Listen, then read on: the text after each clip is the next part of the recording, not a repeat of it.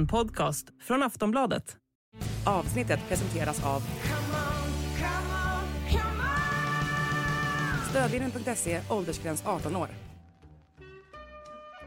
In the supermarket, you have eggs class 1, class 2, class 3. And some are more expensive than others, and some give you better omelets. That's the wrong information. Wrong, wrong, wrong information. I didn't say that. That's the wrong information. Do you think I'm an idiot?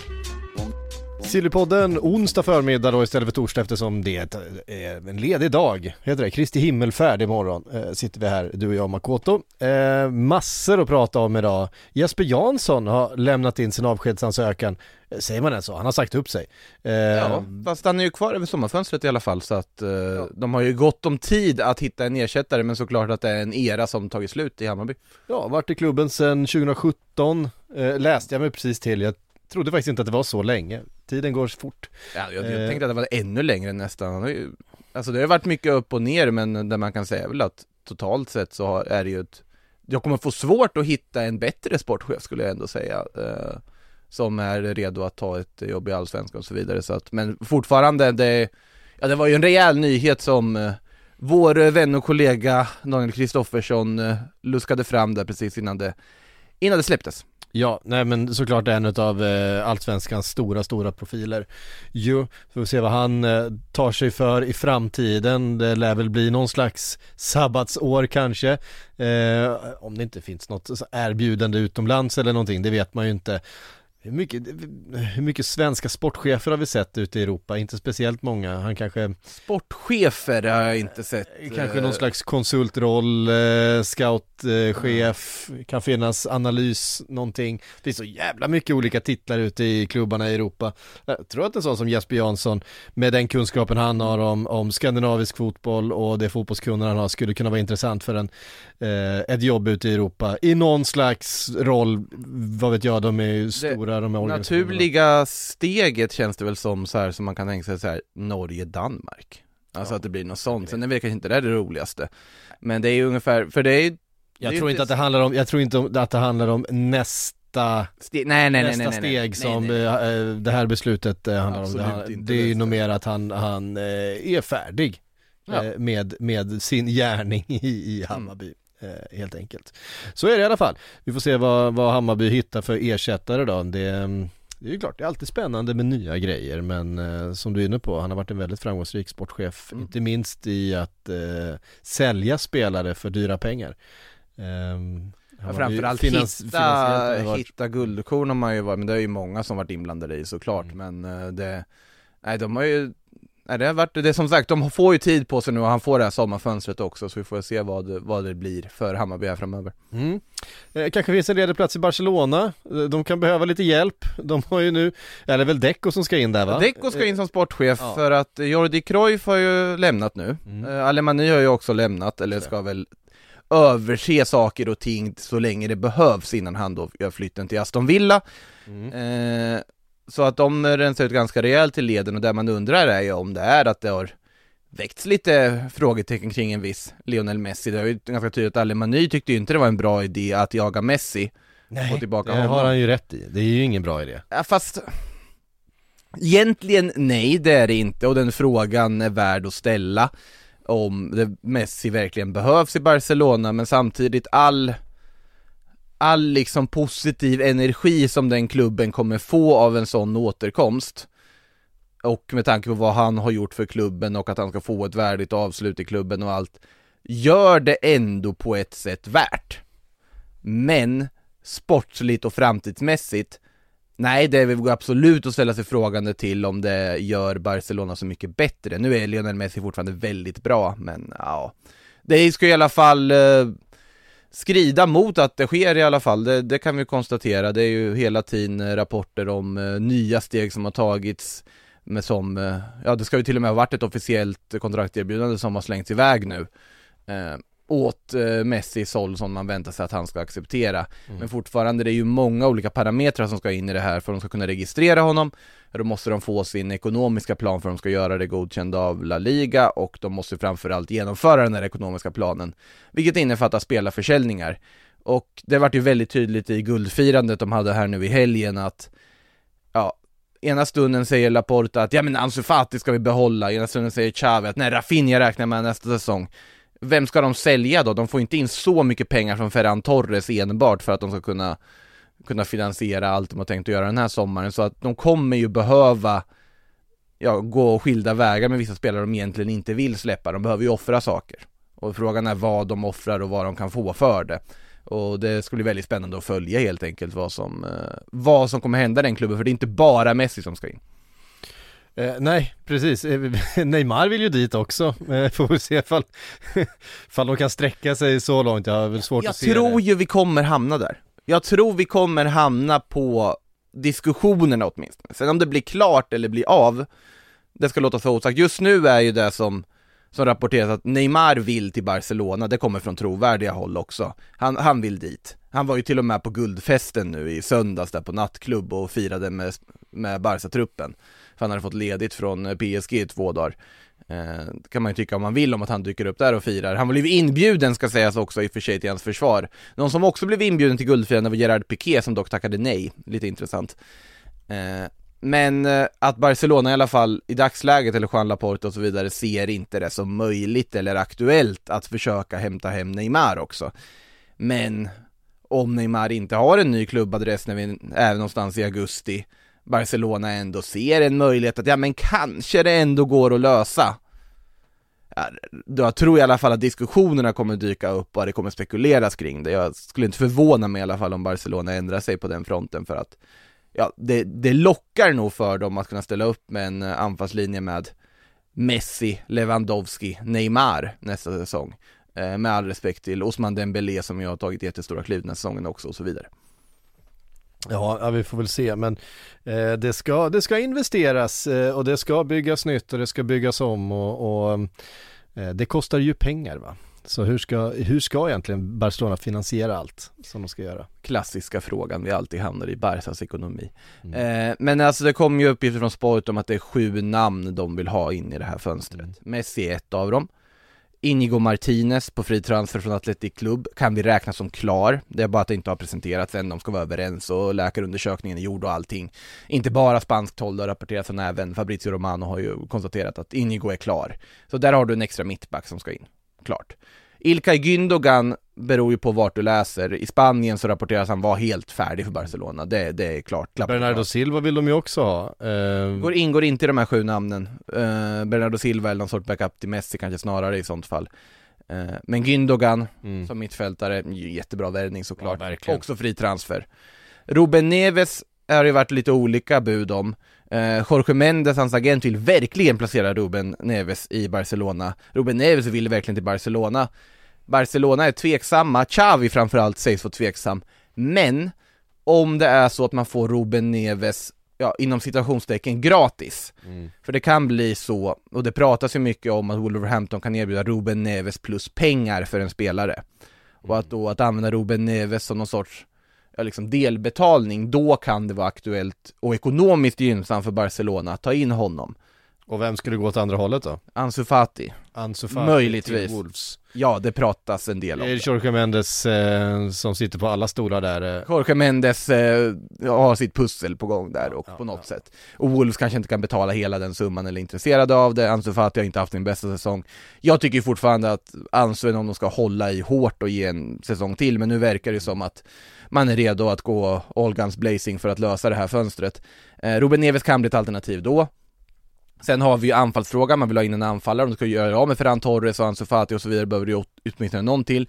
Vitor Roque, unga brasilian, brasilianska talangen, verkar ju vara aktuell och där, där pratar vi en transfersumma, det gör vi ju inte på de andra spelarna egentligen. Eh, Backup-alternativ till honom, Pierre-Emerick Aubameyang. Eh, Som ju också har varit och firat med Barcelona den här säsongen. Han var och, i omklädningsrummet efter Clasico-segern i februari och firade. Chelsea var inte jätteglada över det.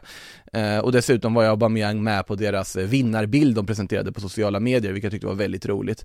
Eh, Och det var ju enbart för att han spelat åtta minuter av premiären, 0-0 matchen mot Rayo Vallecano någon gång i, i vad heter det, somras innan han gick till Chelsea. Och då ingick han i guldtruppen, så han är med på deras collage.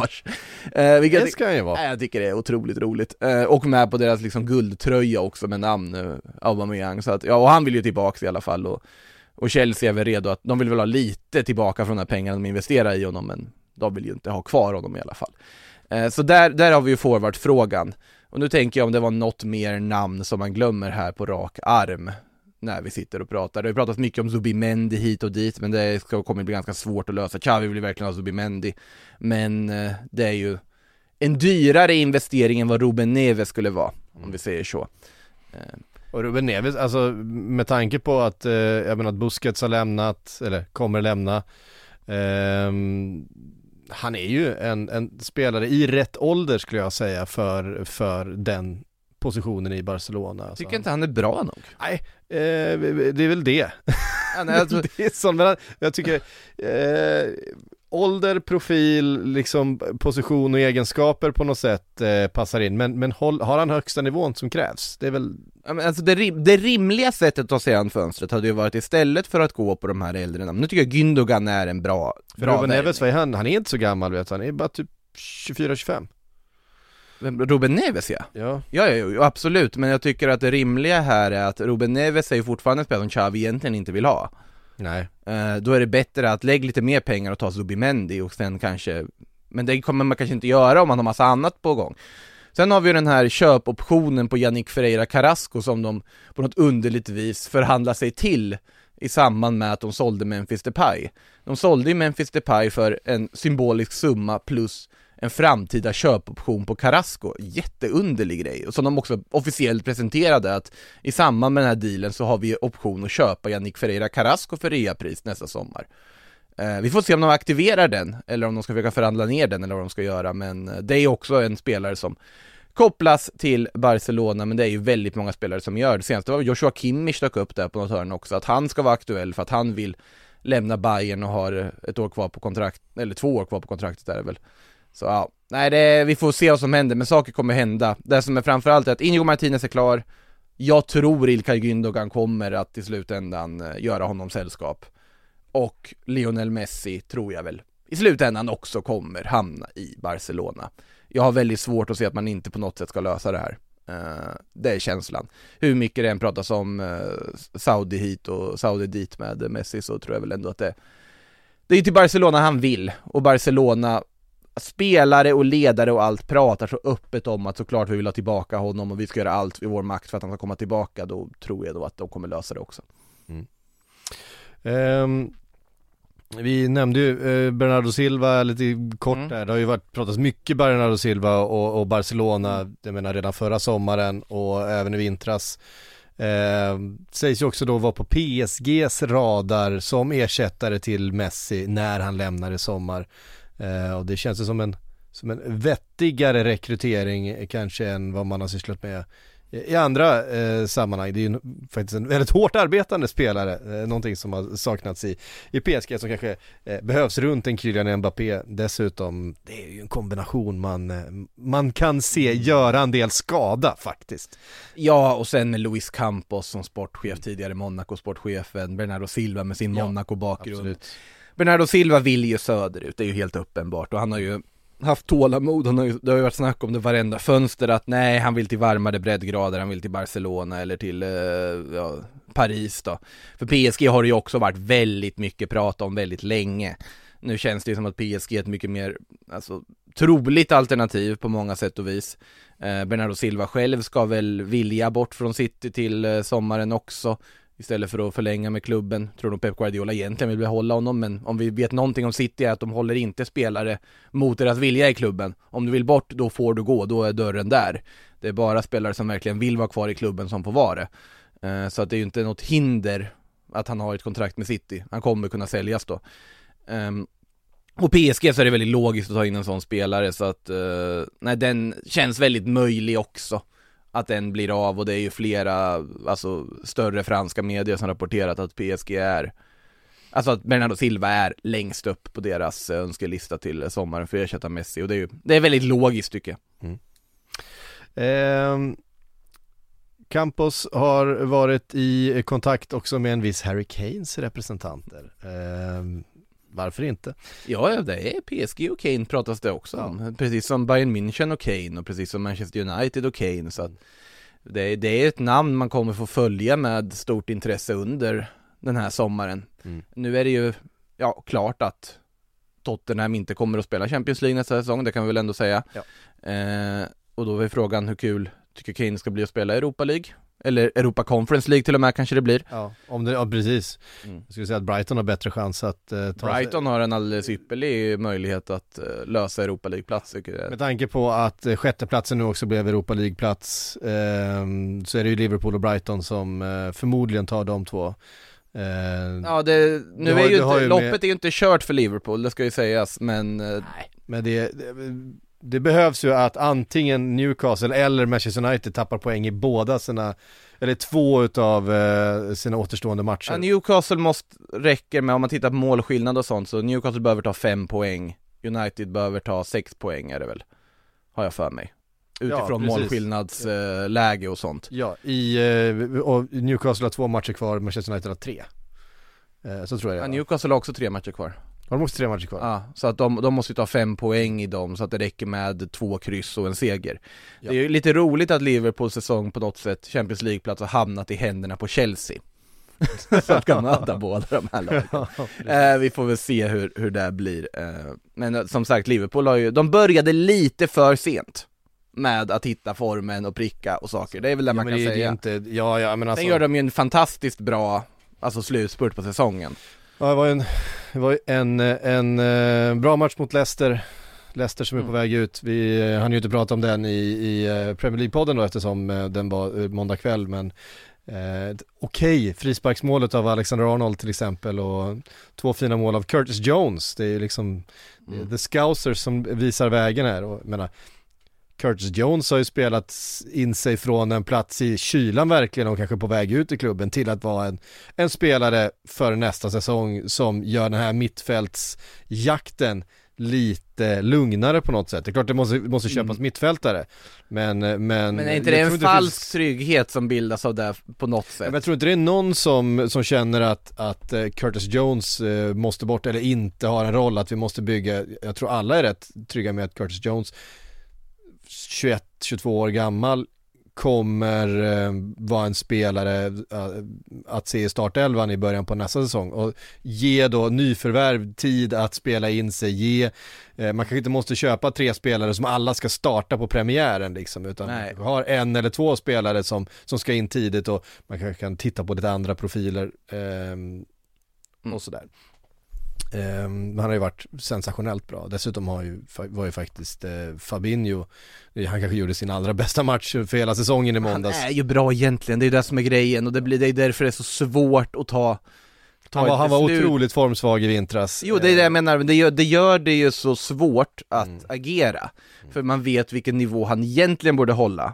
Och då tänker Och man, sen- är det här temporärt eller har han på riktigt tappat så pass att man måste ersätta honom? Och det där är väldigt svårt att avgöra och det kan ju bara de som ser honom på träningsplanen och allting Och i, veta. i Trents nya roll, ehm, där han ju har också stått för mycket av kreativiteten ehm, från det liksom djupa där, har ju avlastat eh, Fabinho lite grann och han har mer kunnat koncentrera sig på de defensiva uppgifterna.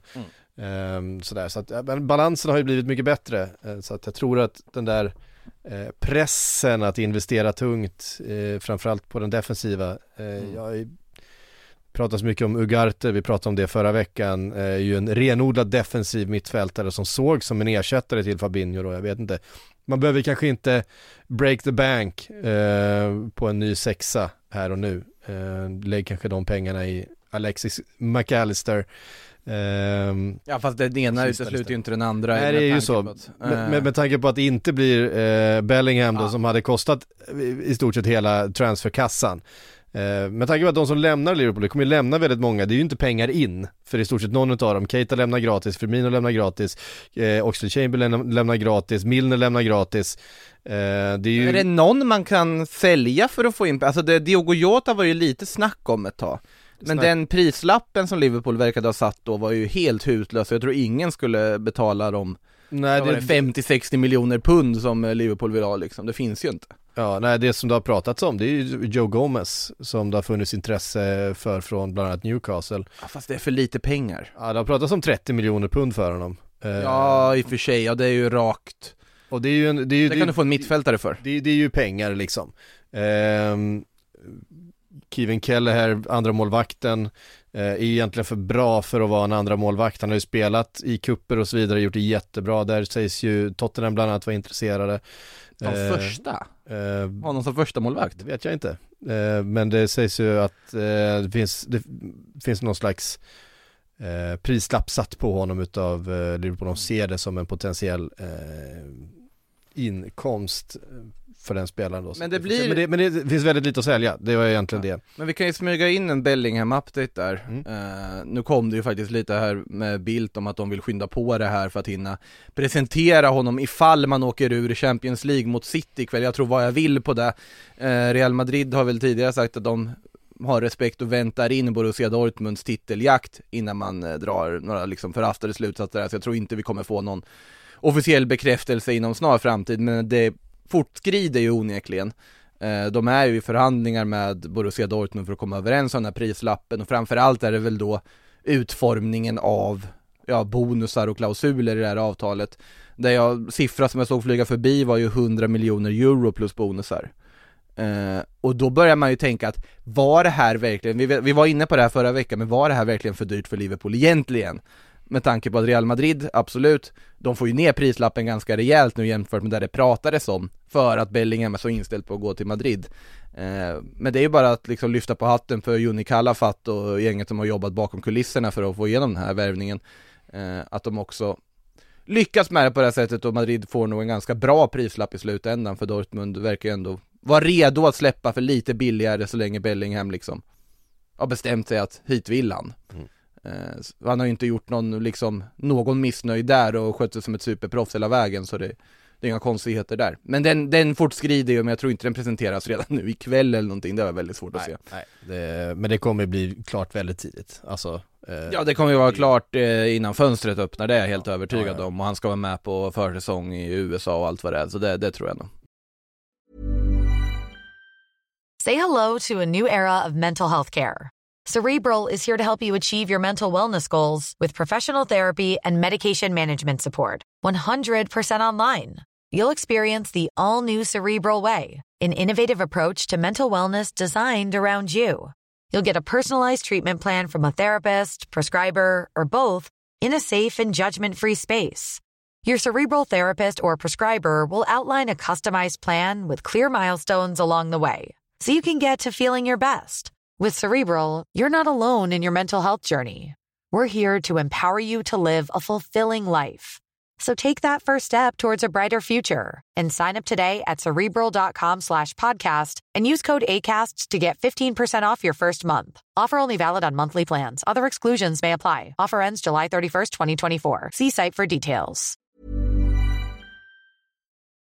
En spelare eh, skrivit lite grann om Arsenals värvningsplaner här, eh, Declan Rice. Nu kom det uppgifter på att Thomas Tuchel i, i eh, Bayern München också har hört sig för om Declan Rice, även om det kan eh, bli för dyrt helt enkelt. Och det finns ju som sagt intressenter från eh, huvudstaden. Arsenal är väl de som är favoriter att, att värva Rice i, i sommar här. Mm. Men det kommer bli dyrt. Ja, Rice eh, har ju en prislapp som kommer att eh, vara en av de Alltså högsta som vi har sett i Premier League, så är det ju. Jag, jag gissar, han kommer ja, hamna Det är ju Jack Grealish siffror. Ja, han kommer hamna runt där. Det är helt övertygad om. Jack Grealish, Enzo Fernandes, de, de runt de siffrorna. Eh, kanske inte hela vägen till Enzo-siffror kanske, men det, det kommer vara väldigt dyrt. Sen West Ham är ju inställda på att ja, men alltså han vill ju bort. Det kommer inte gå för länge med honom.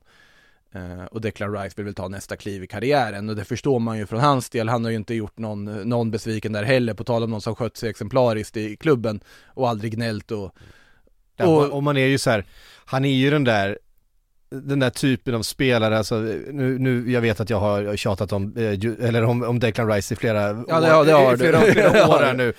Men han har ju den där kvaliteten, alltså i ett riktigt topplag, han har ju den där Rolls Royce kvaliteten över sig, att han skulle kunna bli den där riktiga, riktiga världsklasspelaren i en, eh, i en annan miljö. Det är klart att i West Ham, vi har ju sett honom liksom styra och ställa, alltså matcher helt på egen hand. Han har, han har, han har verkligen dominerat det här mittfältet. Men man, det är någonting med att han får lite, lite andra ytor att jobba med, han får såklart bättre spelare omkring sig, han får bättre bollar att jobba med, det- han, får, han får bättre löpningar att jobba med. Eh, han det får också intressanta är ju om det här blottar honom. han får, är det- ja, men det är det man inte vet. Ja. Han får kanske också spela mer med boll. Jag menar, spela i ett lag som, som äger mer boll än vad West Ham har gjort under David Moyes för att det har ju ibland stå, stått ganska lågt. Eh, och man, han har ju de här kvaliteterna, han har ju de här Alltså jag ty- tycker han påminner lite grann om Steven Gerrard på många sätt i att han eh, är så pass tvåvägs men när han väl har bollen med fötterna så finns det också en kvalitet som inte alltid kommer fram hela vägen i, i West Ham för att man har inte det bollinnehavet. Man tänker sig i ett Arsenal eller, ja men eh, egentligen vilken eh, toppklubb som helst så jag kan se honom utvecklas till att bli den där riktiga liksom, Rolls Royce-spelaren, för han, är, han har liksom alla egenskaper, han har fysiken, han har blicken och touchen och positionsspelet och duellspelet och allt, alltså det är, han har egentligen inga svagheter. Ehm, så att det är väldigt, jag har ju, som sagt, jag har ju trott att det skulle bli Manchester United under, eh, under flera år här, men, men varför inte Arsenal? Nej men just nu känns det som Arsenal och Arsenal Det är ju de, de verkar ju vilja smida medan järnet är varmt det kan man ju säga för att Nu har man Champions League-platsen. Eh, Det kom ju upp i The Times där som sa att de kommer att få rekordstor transfersumma att jobba med till sommaren. Ja. Och det kommer faktiskt att ske ganska mycket saker. Man kan ju tänka att ja men de kom på andra plats, inte bara bygga vidare på det man har. Nej det är ju nu de ska passa på när de har attraktionskraft och kan handla på hyllor som de kanske vanligt inte kunnat göra på väldigt många år nu är de frontrunners i jakten på Declan Rice. Det, det är för ett år sedan om vi hade sagt att Arsenal skulle vara det så hade man Nej, de- skrattat. Ja, Nu, nu är de en helt annan verkligen. sits. Och det är väldigt logiskt i det här läget då när Granit Xhaka har ett år kvar på kontraktet Skeppa honom, tacka för den tid de har haft där, han kanske funderar på en ny utmaning, det pratas ju mycket om Bayer Leverkusen bland annat eh, Få in lite pengar för honom Declan Rice som är mycket yngre, bättre också framförallt, in på den rollen Du samtidigt vill de ju ha in eh, Moises Caicedo från eh, Brighton som ju försökte träningsvägra sig till Arsenal redan i vintras men det vart ju just inget det. av det nu, nu kanske, och den där oh, ursäkten som kom där på sociala medier, äh, var intressant Det är Eh, som Brighton är fel, fel klubb att göra det De i, bara, något jaha, ja, varsågod, Bara, ja, skit i att träna, det är väl ditt, ditt problem Och, och att De Serbi är fel tränare att göra det med också. Är du inte här? Nej. Uh, ja, nej men Caicedo Mm. tror jag också att man ligger bra till och där finns det ju anledningar att vilja skifta Thomas Partey och då pratar Ja. jag inte bara om liksom skadehistoriken, han är ju skadad väldigt ofta. Ja. Eh, eller liksom i alla fall ha ett till alternativ där. Ja. Där att by- bygga om där inne i mittfältet är ett jättebra läge för att göra. Jag tycker inte du ska röra där Så framåt. ett centralt mittfält med, eh, med Rice, Caicedo och Ödegård, det är inte dåligt. Nej, och så har du Martinelli, Saka ska du fortsätta jobba med, Ja, ja, absolut. Sen är frågan forwardsrollen, det pratas om att de vill ha in en forward till, men där måste man ju börja ta beslut om de man har. Gabriel Jesus kommer ingå i det, Edin Kettia gissar jag på kommer också göra det. Mm. Eh, Reece Nelson, kontraktet går ut, måste väl på något sätt eh, få bort honom då möjligtvis, eller han kan ju inte vara nöjd med att knappt aldrig få starta eller få chansen. Nej. Han gör ju det bra när han kommer in, gör mål och så vidare. Eh, sen har du ju Balogun, Mm. eh, Som, som du precis har eh, bytt blivit amerikan. landslag.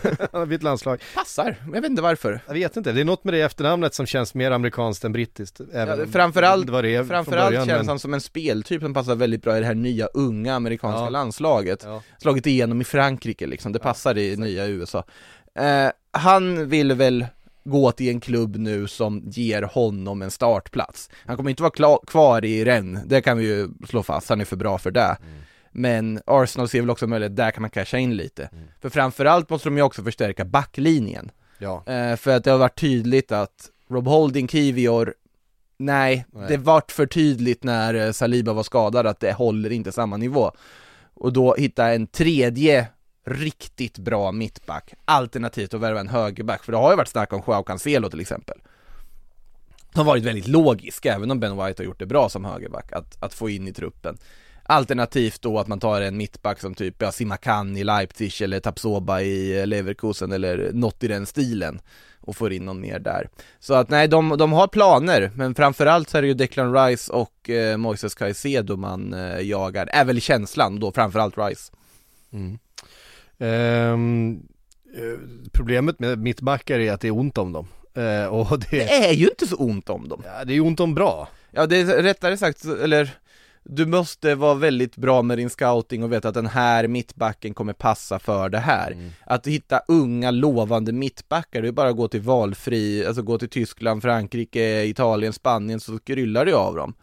Men du måste också hitta rätt mittbackstyp, den som går in och liksom, ja men faktiskt funkar i Premier League. Och det gäller ju detsamma för klubbar i Italien eller Spanien och så vidare som tittar på andra ligor. Kommer den här mittbacken att funka i sättet vi försvarar, sättet vi spelar försvarsspel, sättet motståndare anfaller mot oss?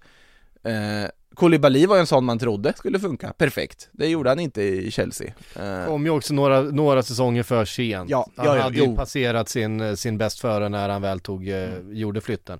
Han hade inte sin bästa säsong i Napoli eh, säsongen före han kom till, till Chelsea heller. men det är ju som, Det finns ju till exempel, alltså jag, man har ju sneglat mycket på den här Giorgio eh, Scalvini i eh, Atalanta. mm. Men där står ju de italienska, där står ju Juventus och bara väntar. I- Inter är väl med där också, titta de behöver ju mittbackar också. Eh, bara, det är bara att när en 19-åring slår igenom och, och eh, är så bra som mittback då, då vet man ju att alla de stora klubbarna i, i världen drar öronen åt sig och eller vad säger man? Eh, precis. inte, tvärtom va? Ja, skitsamma. Eh, det väcker deras intresse. ja, nej vad heter det? En, en, en sån här mittback som jag bara namedroppar här på si- sidan som jag tror vi ska Som är så här rätt läge nu. Som det har pratats om några fönster men nu börjar det bli läge att se den här flytten, det är ju Tapsoba. Eh, Slog ju igenom med dunder och brak i Leverkusen för några, några år sedan. Har liksom gjort många stabila säsonger nu kan det vara läge att eh, göra den där flytten och, och se för, och där, där finns det storklubbar som kommer vara redo, det är jag helt övertygad om. Mm. Eh, sen, sen finns det ju sådana här, alltså spelare som eh, har misslyckats men som man ändå kanske tror på, typ som en Bella Kotschap i, i, i Bella Kotschap är, det är bara vara redo där och fynda säger jag. Mm. Alltså han, han ska inte ner i Championship igen, där måste ju någon toppklubb vara redo att plocka honom. Att ha honom som ett tredje alternativ eller någon, så länge han får en sorts lärlingsroll bredvid någon liksom rutinerad mittback, det där är en jättetalang så att ja, ja, ja. Eh, utan tvekan skulle jag tipsa, det har, det har säkert Premier League-klubbarna koll på. Ja, tror du det? Att, ja, Annars, du får höra av dig annars. Eh, Ni, har ni sett den där Bella Kotschap i Southampton? Ja, men han, eh, han har ju inte gjort någon dundersäsong, det kan man inte säga i, i Southampton. Det har ju Men varit, vem har gjort det här i Southampton? Nej, det, är- det är ju precis det. Ehm, det var ju roligt, för vi fick en fråga, vi kan väl bara slänga in den då, för Ja. att det var lite roligt. Ehm, Jonas eh, Jäger skrev här, spelare på lån i Championship som gjort det bra, borde hamna i Premier League. Eh, och eh, där, där skickade ju Southampton då sin eh, eh Nathan Tella på lån till, eh, till Burnley som har gjort fullständig succé i, i Championship och varit en av de bästa spelarna där. Eh, kanske de borde ha haft kvar den här Ja, det- säsongen eh, kan man tycka. De skickar fel spelare på lån. En, enda jag tänker på med Nathan Tella är när Burnley presenterade honom i somras Jag vet inte om du har sett den videon Otroligt underlig video där de bara presenterar massa saker som slutar på Ella. Så här, Nutella, liksom. Bella, Nathan Tella så kommer han liksom åkande så här på ett rullband. Jättekonstig video men den hade något. Eh, En annan spelare eh, som ju spelade igår, eh, vi kan väl säga någonting om, om att Luton ju slog ut eh, Sunderland i eh, semifinalen då i playoffen. Fjäder i hatten för Nathan Jones. Eh, ja. Ehm, Eh, nej men Ahmad Diallo eh, för eh, Sunderland har ju gjort en jättefin säsong på lån då från Manchester United. Och det var ju precis det han ställde frågan om, om det är någon som har varit på lån som Jag tror att Ahmad Diallo eh, kommer komma till en försäsong nu med ganska stora förhoppningar om att få spela med Manchester United under nästa säsong. Eh, Där har vi ju också ett gäng unga lovande offensiva spelare som man måste bestämma sig vad man ska göra med. Och tänker jag inte bara på Garnacho som kom tillbaka och gjorde mål här nyligen utan ja, Anthony Elanga givetvis, Facundo Mm. Där? Pelistri, eh, Diallo, det, det finns några att, eh, några som behöver placeras på ett eller annat ställe och Ten Hag måste ta beslut kring, det råder ingen tvekan om den saken. Mm, det var roligt för jag, jag eh, googlade fram 442s lista över de bästa spelarna för säsongen i, i Championship för att se vad, vad omdömena var och vet du vem som var etta på listan? Ahmed Hodzic? Nej, Ehm, men en svensk. ja det var Gyökeres. Jajamän. Han var etta på 442s lista över de bästa spelarna för den här säsongen i Championship. Ha. Eh, tyckte jag var intressant. Jag, jag tänkte direkt på, nu, kan, nu är jag så FIFA-skadad tror jag, men Josh Brownhill tänkte jag på, vad måste varit högt på listan? Att han fick ett bättre Team of the Season-kort än vad Bukayo Saka fick. Ehm, fråga mig inte Han, varför. han, han var också högt på listan, jag tror han var väl eh, fyra eller femma här. Eh, ja precis, femma var han på listan här. Eh, men han är inte på lån och han är kvar i Burnley och där, där kommer han bli kvar. har gjort det bra, åtminstone Ja, enligt EA. Sports. Jo men han- nej, jag tyckte han var bra förra säsongen också när de åkte ur. Eh, om jag ska vara riktigt ärlig. Så att han har ju inte varit en utav, en utav anledningarna till att Burnley varit nere i, i, i Det Championship. är väldigt spännande att se vad, ehm, alltså nu, som sagt vi såg ju Nottingham har ju satt någon form av standard i vilken hylla man kan handla från som nykomling i Premier League. Men vilken approach som eh, Burnley och Sheffield United väljer att ta här. Eller framförallt vilken approach Luton skulle välja att ta ifall de går upp där. Ja, det hade varit helt sjukt, alltså Luton som nu är en match ifrån Premier League, Luton som ju åkte ur säsongen före som Premier League bildades, alltså de åkte ur våren 92 Mm eh, och har sen då bara åkt rätt ner, drabbades av eh, stora ekonomiska problem, tvångsdegraderades, var nere i Conference League i fem år. Fem år spelade man alltså non-League eh, fotboll. Där, Eh, där Rexham var, eller där- är fortfarande tills de har gått upp nästa Ja, säsong. precis, där Wrexham har befunnit sig. Och nu då på tio år tagit sig hela vägen hit. Eh, går man upp så är det alltså den minsta arenan eh, som har, eh, ja, varit en del av Premier League. Eh, och den minsta arenan i högsta ligan sen, sen? Luton åkte ur då. Hur stor är den arenan? Ja, den tar ungefär 10 000 åskådare. Eh, det- Mindre än Platinum Cars arena alltså? Ja men det är så här guldfågeln size liksom. Ehm, jag vet inte exakt hur stor guldfågeln är, men det är väl där någonstans. Man ser ju fram emot om Luton skulle gå upp när de då har fått de här tv-pengarna och ska börja investera på marknaden och så ser man eh, så här transferrykten på att de plockar någon som säkert här kopplas med Milan och Inter och så går Luton in och, och budar över dem och den spelaren när han tänker ja Premier League-klubb, det här blir kul, kommer dit och ser arenan och tänker Ja, bara jag har precis. hamnat. Vad heter den? Kenwill Road eller något sånt där? Ken with, Ken, Ken, någonting med Ken, det- Ken, Kenny kallas den. Nej men det är det ultimata testet, om vi får upp Luton det ultimata testet, hur överlägsna har Premier League eh, hunnit bli? Mm. Hur stor attraktionskraft kommer Luton ha på transfermarknaden? Det kommer ju liksom visa prov på, har vi en superliga eller inte? Ja, alltså de får göra precis vad de vill, men de måste behålla Pelly Ruddock, eh, som ju alltså värvades när de låg i Conference League. Alltså de spelade non-League fotboll, kom alltså som 20-åring på lån dit. Har blivit kvar och spelat upp det här laget från amatörstatus i stort sett hela vägen hit. Startade igår i vändningen mot eh, Sunderland. Det är fyra uppflyttningar alltså? Det är fyra uppflytt, uppflyttningar, det är ju som att spela upp, ja, du går som 20-åring till, till division 4 i Sverige och sen spelar du upp ett lag eh, hela vägen upp i, i Ja, division 3 Ja, division- division 3. Jag petar i ärmen Ehm, ja, hur som helst, det är jävligt häftigt. Eh, och han är kvar och han är där. Eh, och han startade igår och var, var väldigt bra. Eh, det var väldigt underhållande match eh, överlag.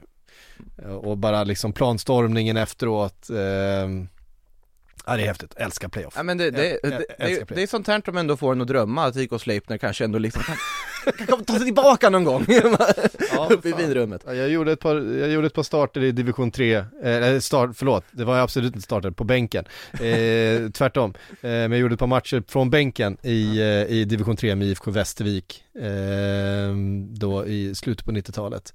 Eh, eller ja, det var division 4 då, det som mots, motsvarar eh, division 3 idag. Och då går vi in på Twitter och gissar vilken position Patrik Syk hade när han hoppade in från bänken för IFK Västervik Det, det, det kan man göra. Eh, det säkert, kanske, kanske någon som minns. Eh, nej, det är ingen som. Framförallt är det någon som är intresserad, det är också en fråga Sen var det mest matcher med B-laget, men eh, eh, fick vara med på bänken ett par gånger. Ehm, fan, när var det? Det Det måste varit då 99. Ja, det här vet du bättre än mig tror Det jag. måste varit 90, 99 måste det varit. Eh, Om du spelar för IFK Västervik i division 3. Ja, precis. Eh, eller ja, division 4. Men det, ja. Det var, femte divisionen var det ju på den tiden. Ja, jag har inte något bättre att kontra med här känner jag.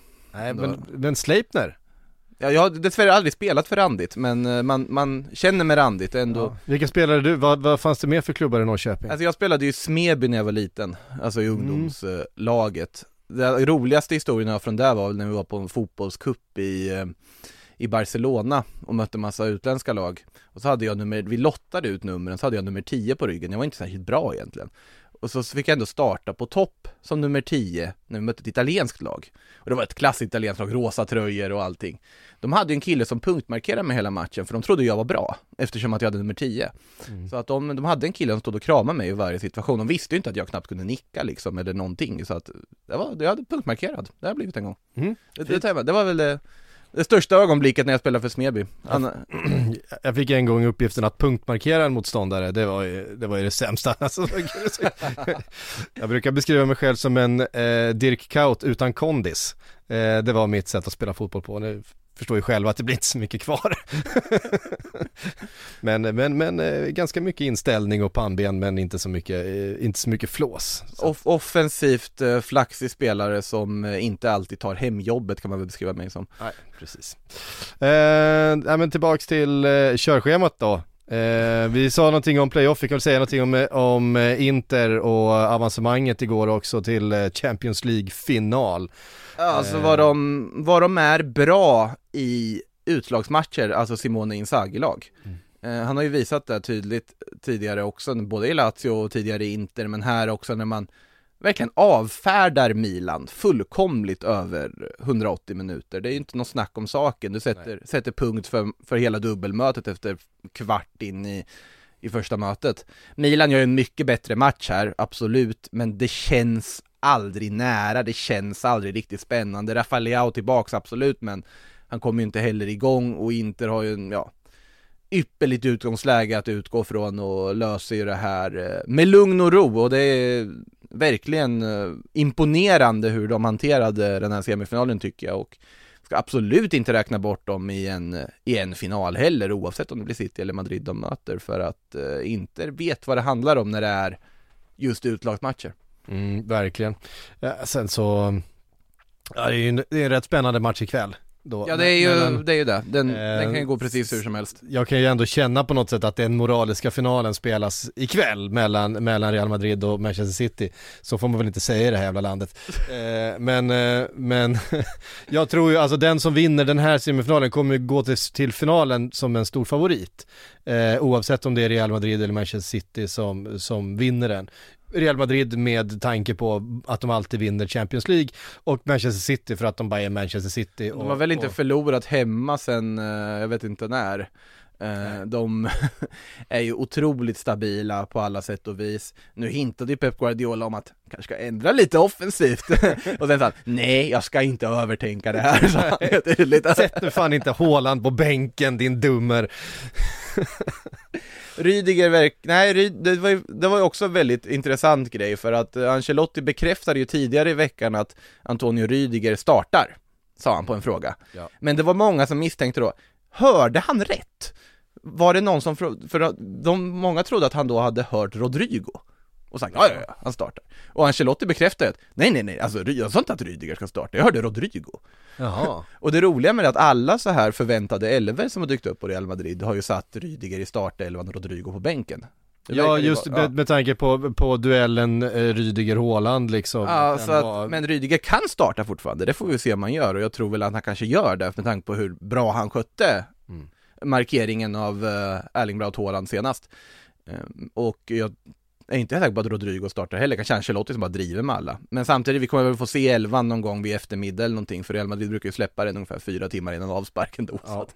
Det kommer inte Guardiola göra. nej, det kommer vara på, på sekunden där vid eh, prick, eh, en timme innan gissar jag på. Ja, sen tror jag ju att, att matchens centralfigur kommer inte vara, vara Haaland eller någon annan, det kommer vara Kevin De Bruyne för att eh, om det är någon som, om det är någon som vill vinna den där Champions League-bucklan i något av de här lagen just nu i det skedet av, han- av karriären så är det Kevin De Bruyne, han måste på något sätt cementera sin roll, han har inte kunnat göra det med Belgien. Var, var ju dock som, som, en utav, ja. som, som en av sin, sin generations allra, allra främsta liksom och behöver han, han, han alltså Premier League har han vunnit många gånger, han behöver vinna den där Champions League nu med, eh, med Manchester City för att sätta ner den här flaggan i marken. Ja, han måste ju lyfta sig till en nivå där man, alltså som han inte har gjort i Champions League. Nu gjorde han i och för sig målet i första matchen. Det var helt okej. Ja, han var helt okej. Sen tycker jag inte han skulle ha vunnit eh, matchens spelare. Det är sanslöst att Vinicius Junior eller Kamavinga inte fick det här priset, tyckte jag.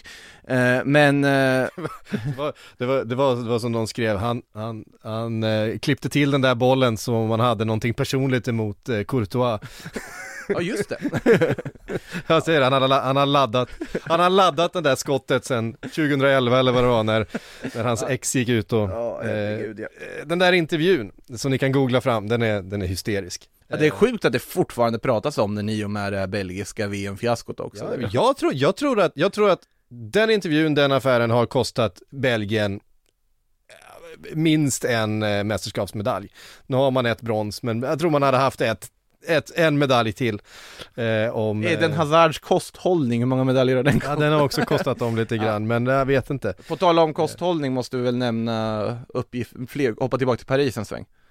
Ja, Alltså, för det pratas om att Neymar och Neymar ska bort och Messi Mm. lämnar ju på fri transfer och så vidare. Men att man också vill göra sig av med Marco Verratti Ja, efter, vad är det, 11 års trogen tjänst har ju varit, eh, ja, fakt- lite low-key en av världens bästa mittfältare i Paris under den här tiden. definitivt. Bara att han har figurerat i ligan och det pratas inte lika mycket om honom. Nu har han inte varit lika bra den här säsongen, eh, inte alls faktiskt. Han ser lite mätt ut. Ja, det är det som har kommit uppgifter då från Frankrike om att PSG vill göra sig av med honom, ibland ska vara besvikna på att han då ska ha kommit tillbaka från VM-uppehållet överviktig, eh, Marco Verratti, och att han har lite för roligt på sidan av planen än vad han har ha- liksom, och inte heller haft roligt på den hittills. Vi får väl se vad det blir av det. Han kopplades till Real Madrid där en sväng, men någon måtta får det väl vara på in i mittfältare också. Eh, Ja, ni kan inte ha alla. det hade varit lite väl att ta Verratti, ja det är om Kimmich hamnar i eh, Barcelona då, ta Verratti istället. Om du ska ha en erfaren som ersätter Kroos Modric 2024. Ja, men en, en, en Verratti i form. Det finns ju inget lag i världen som inte vill ha en Verratti i form i, i, i sitt lag. Men här, här är det väl läge för vissa, vissa klubbar borta i England att eh, Men vilken, vilken Verratti är det man får nu då? Man får ju betala dyrt för honom och han ska ha en svinhög lön.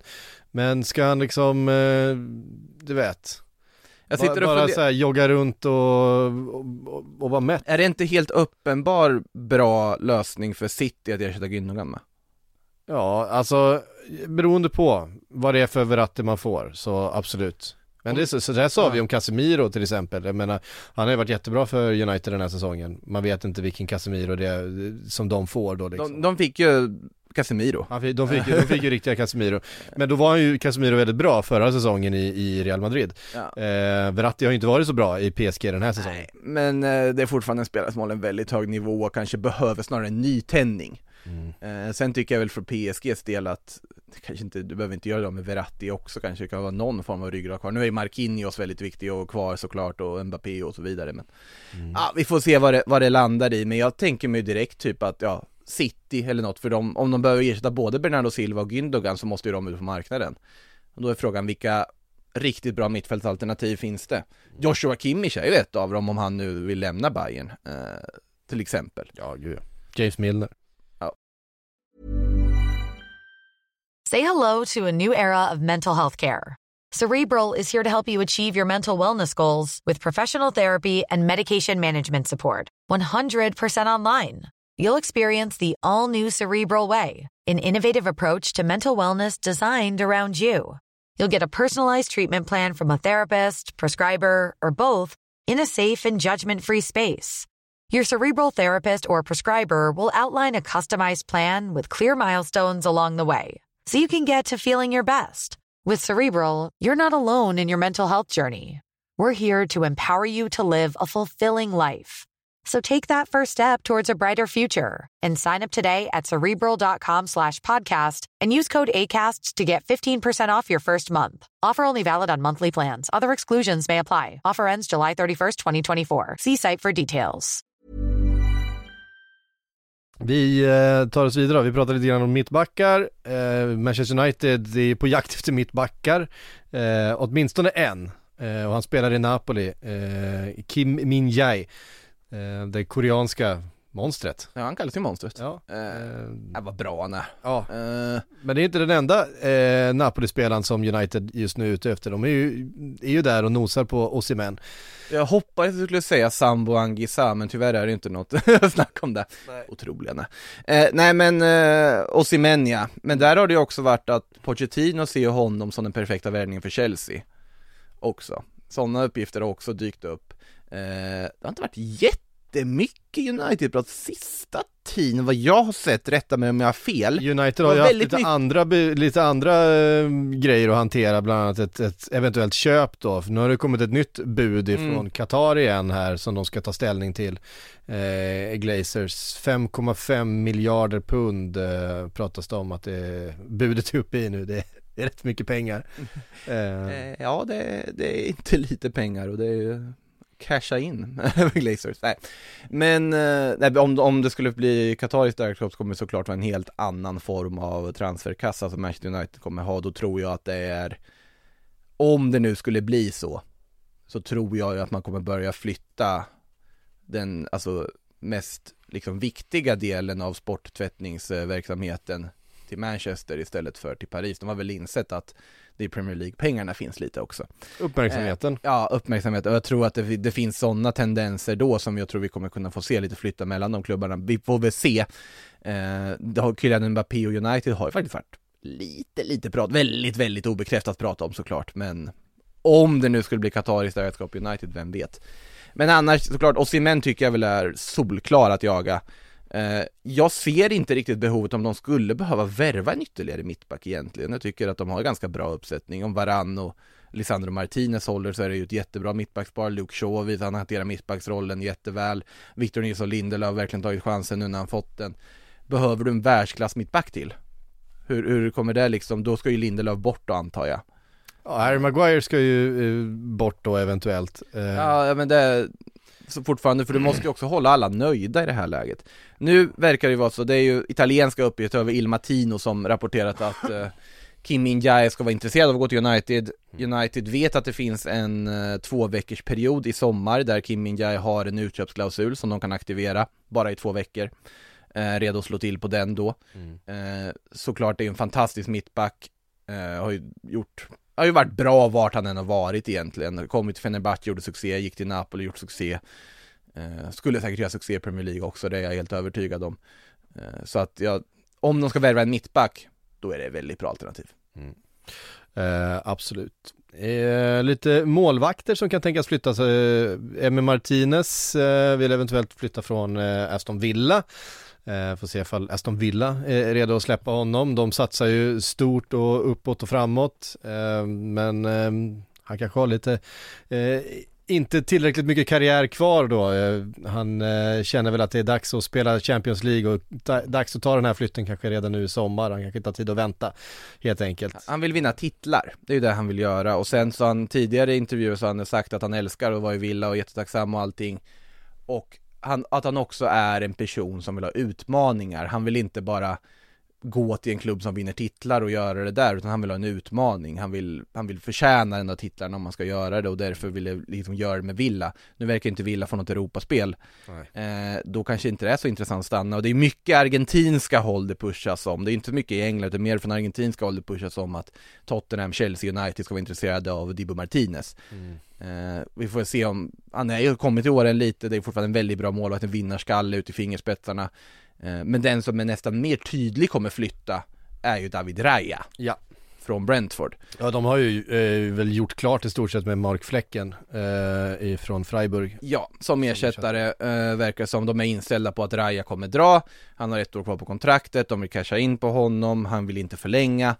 Eh, och det är väl rätt läge för Raja att eh, ta chansen och få ett kontrakt i en bra klubb. Det är inte alltid man får det som målvakt och det, just i år, just det här fönstret så har vi ju faktiskt ett väldigt osäkert målvaktsläge i många klubbar. Det är inte alltid vi har det. Oftast brukar det vara ganska sett med att de har sin målvakt och att det inte är så mycket rörelse på den fronten. Men i år är det ju, det är Spurs som eh, vill ersätta Joris med en bra målvakt. Det är Chelsea som inte är helt övertygade om varken Kepa eller Edouard Mendy. Mendy som dessutom vill väl bort också, Mm. av förklarliga skäl.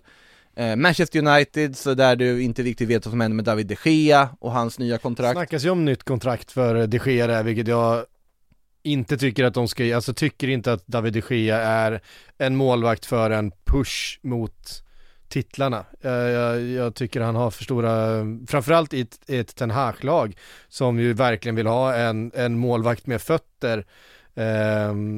Det, de Gea är ju inte den målvakten, de Gea är ju en fantastisk linjemålvakt.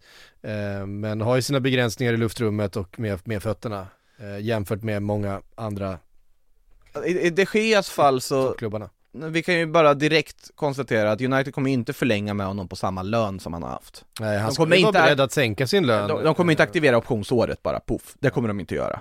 Men däremot, så om de kan förlänga honom något år eller två på en lägre lön med vetskapen att de också ska hämta in ordentlig konkurrens till honom. Ja, skulle David. David Raya skulle kunna vara den, eh, Ja. den målvakten. Två spanska målvakter som kör lite så här tandem. Det kan jag ju se framför mig. Då kan jag förstå om man vill förlänga med honom, men annars så jag, jag det finns ju en Jan Sommer också i mixen här. Mm. Som, om Manuel Neuer kommer tillbaks, Tuchel ska väl ändå vara inställd på att Neuer kommer få stå igen ifall han kommer tillbaka och då vill ju inte Sommer vara kvar i Bayern München. Och där har du ju en väldigt skicklig målvakt som skulle kunna gå in i vilken klubb som helst av dem vi har nämnt. Eh, Men det blir väldigt spännande att se. Pickford ska vi väl också, är ju inte helt otänkbart att han väljer att eh, göra en flytt om Everton skulle trilla ur. Förstår inte hur vi sitter här och pratar om tre målvakter där ingen är över 1,85. Eh, det är ju helt sanslöst. Är David Raya så kort? David Raya är 1,83. Nej då. Ja, det, det, det, det håller ju absolut Ja, inte. Dibu Martinez är väl inte över en Nej, Martinez är, är, är väl längst utav de här. Är det så? Ja, det tror jag. Eh, Dibu kanske är längre än vad jag har tänkt att han är. ja, han är ju faktiskt ganska lång. Han är 1,95. Eh, Varför har jag tänkt att Dibu, ja, jag vet inte, det är någon, ja, glöm det jag sa. Ja, nu, eh, nu eh, David de Gea är ju lång också. David de Gea är, är, är, är hyfsad, han är över 1,90 i alla fall. Eh, det är han ju absolut. Ändå så har jag ju, sin, så, så har jag ju inte någon, den där riktiga pondusen i luftrummet. Vilket jag bestämt hävdar i framförallt Premier League.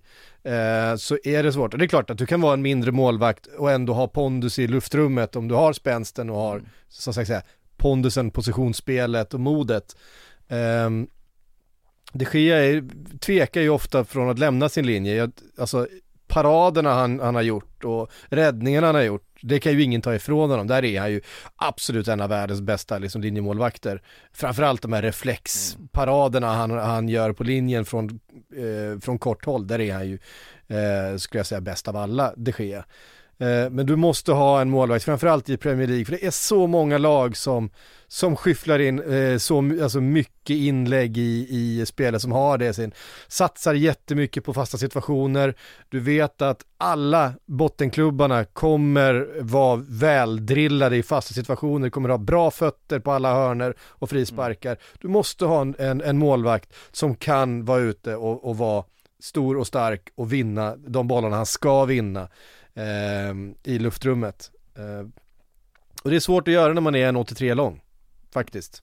Ja, det är svårare än om man är ni- 1,93. Eh, det är ett, eh, och jag tycker att det har varit ett, eh, en svaghet hos Pickford även om jag tycker att han eh, i perioder när han är i form, han är ju också så en otrolig humörspelare, Pickford, eh, löser den biten väldigt bra. När han, när han är i form så är han en väldigt bra målvakt. Um, och man skojar om att han är lite kort ibland men, men, men, men han har ju andra egenskaper, han har ju framförallt jättefina fötter och, och, eh, och bra skalle sådär när, när det väl stämmer för honom. Um, alltså Emi Martinez, hans skalle är det ju ingen som, som ifrågasätter, är väl okej med fötterna också. Ehm, och en, en, en bra målvakt gör ju en del tabbar dock. Ehm, Fast, alltså jag tycker, jag tycker, av de målvakter pratar som Dibu Martinez tycker jag väl den som är mest intressant att plocka in på så vis, alltså det, det är också Alltså karaktären Mm. eh, Det är en fullkomlig galning. Eh, är det. Och det gillar man ju.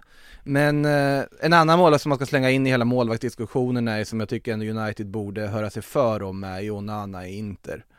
Eh, som jag tror hade varit också, ja Ten, Ten Hag har ju haft honom förr. Ja, I, I några år. Ja, så att det är ju, den vet ju vad han får, men det är framförallt en målvakt som är väldigt duktig med fötterna. Eh, en målvakt som också är väldigt skicklig på alla möjliga sätt och vis och har gjort det jättebra i Inter. Nu vill ju inte Inter släppa honom tror jag egentligen, men samtidigt, det är inte otänkbart att Inter vill casha in på någonting. Sen finns ju Handanovic där bakom. Ja. Nej, det, det, det, det får vara nog med det nu kanske. Men, ja, Ja, jag, tror att Inter, Intersupportrarna är rätt trötta på Handanovic. eh, ja det, det är jag ganska säker på att de är. Ja. Inte, en, en, en David Raya ner till Inter då? Eh, ja, inte råd med det, det tror jag inte jag. Finns inte att de har råd med det. Alltså Raja, eller Jan Sommer. om Raja ska flytta så är det till, till, en eh, toppklubb Premier League. Eh, och då kan vi titta. Ederson i City, safe. Mm. Allison i Liverpool, safe. Pope i Newcastle, safe. Eh, vilka andra Ja, Brighton behöver väl, ska de gå på Jason Steele nästa säsong? Nej det kan de inte göra. Men varför de skulle behöver- Raja vilja gå till Brighton? Nej, Ja, det- nej, det, det ser jag inte heller. Eh, så vad har vi då? Är det ju Tottenham, Chelsea, United som behöver en målvakt. Ja, och Arsenal behöver ingen mål. Nej, Arsenal och Ramsdale safe, det ska vi säga också. Så att, eh, ja. De, tre klubbarna tror jag kommer att titta på målvakter i alla fall. Mm. Tottenham är väl den som kanske behöver det allra mest. Chelsea tycker jag ändå att jag tycker en uppsättning med Kepa, Mendy borde vara bra nog igen. De har så mycket annat att fundera över egentligen. Eh, Men det skulle inte förvåna om de tar in en målvakt ändå. Eh, För det är så svårt att bli av med, framförallt Kepa då. Eh, United behöver, om inte en ersättare till David de Gea så behöver de ett komplement till David de Gea. Ja, helt klart. Eh, vi eh, får skynda på lite här. Vi eh, ska också bara säga, det kommer ju uppgifter från Tyskland då, Hugo Larsson.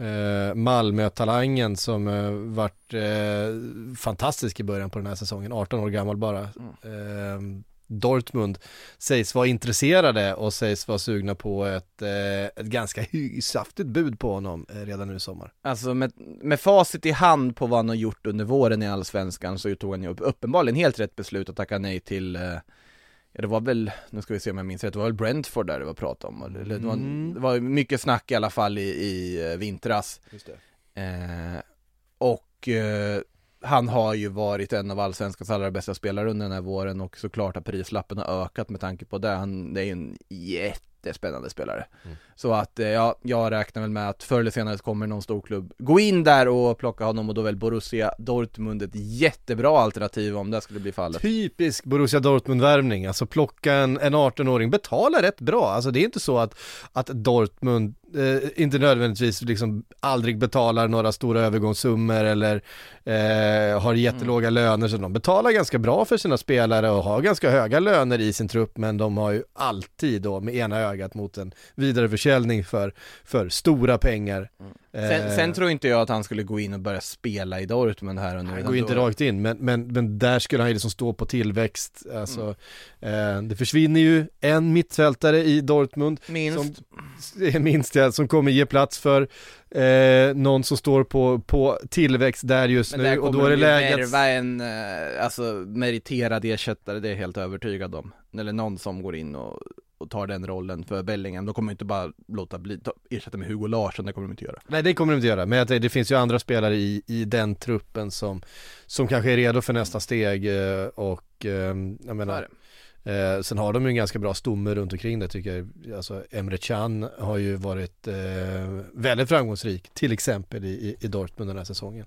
Ja det är många som har, har gjort det bra, alltså Julian Brandt har ju börjat betala tillbaka lite nu också den här säsongen måste man ju säga eh, Marco Reus still going strong.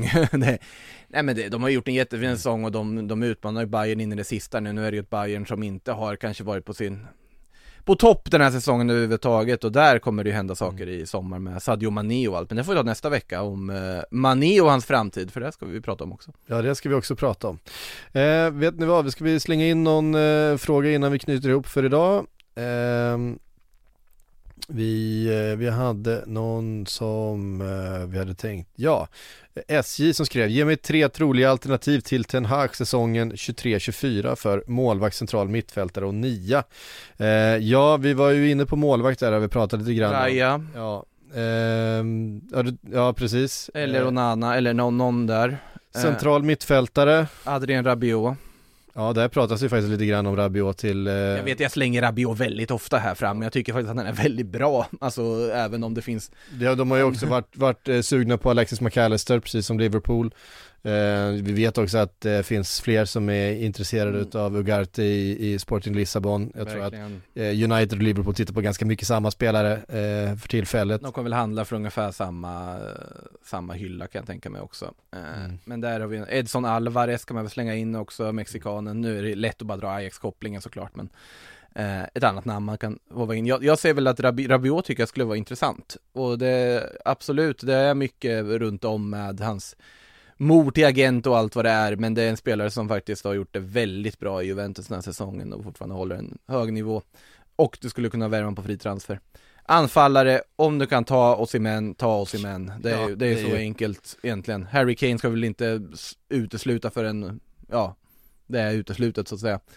Det är de två är väl de intressantaste namnen där. Kim Min-Jae som sagt, de, eh, de ska in i mittback också.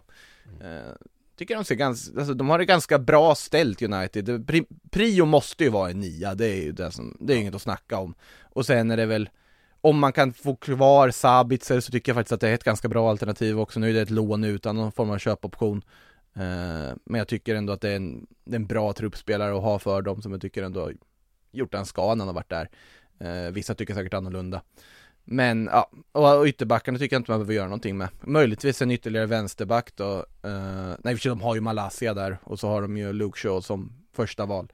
Mm. Och högerbackar, Dalot, Wan-Bissaka och båda visar att de eh, har intentioner att vara kvar i United och bidrar så att, eh, nej det är där man hamnar. Mm. Kan ta en till då, reptilfanatikern skriver, verkar inte bli Nagelsmann till Spurs, eh, inte heller till Chelsea där de ju hade honom som första val, nu blev det ju Pochettino istället. Eh, och det trodde jag att Moyes blir kvar än att Nagelsmann tar platsen i West Ham. Jag tror inte Nagelsmann, Nagelsmann, alltså vet knappt vad West Ham är för någonting. Förlåt, men alltså det, men det är också så här, det är frågan är värd att ställa, ja, vart ska Nagelsmann istället då? Om det är, Spurs blir det inte, det blir inte Chelsea. Paris Saint-Germain tänker jag direkt, men de Det verkar ju kontakta Mourinho och hålla på. det känns ju rätt. Det känns ju rätt. Vad kul det hade varit. Ja, det Eh, känns ju rätt. med- Real Madrid är ett annat alternativ jag tänker, men där verkar ju faktiskt Carlo Ancelotti ändå bli kvar nu. Alltså vi får väl se vad som händer. Eh, alltså vad ska han, ja, kanske ta det lugnt ett år, funderar, Ja. spelar FM. Ja, precis.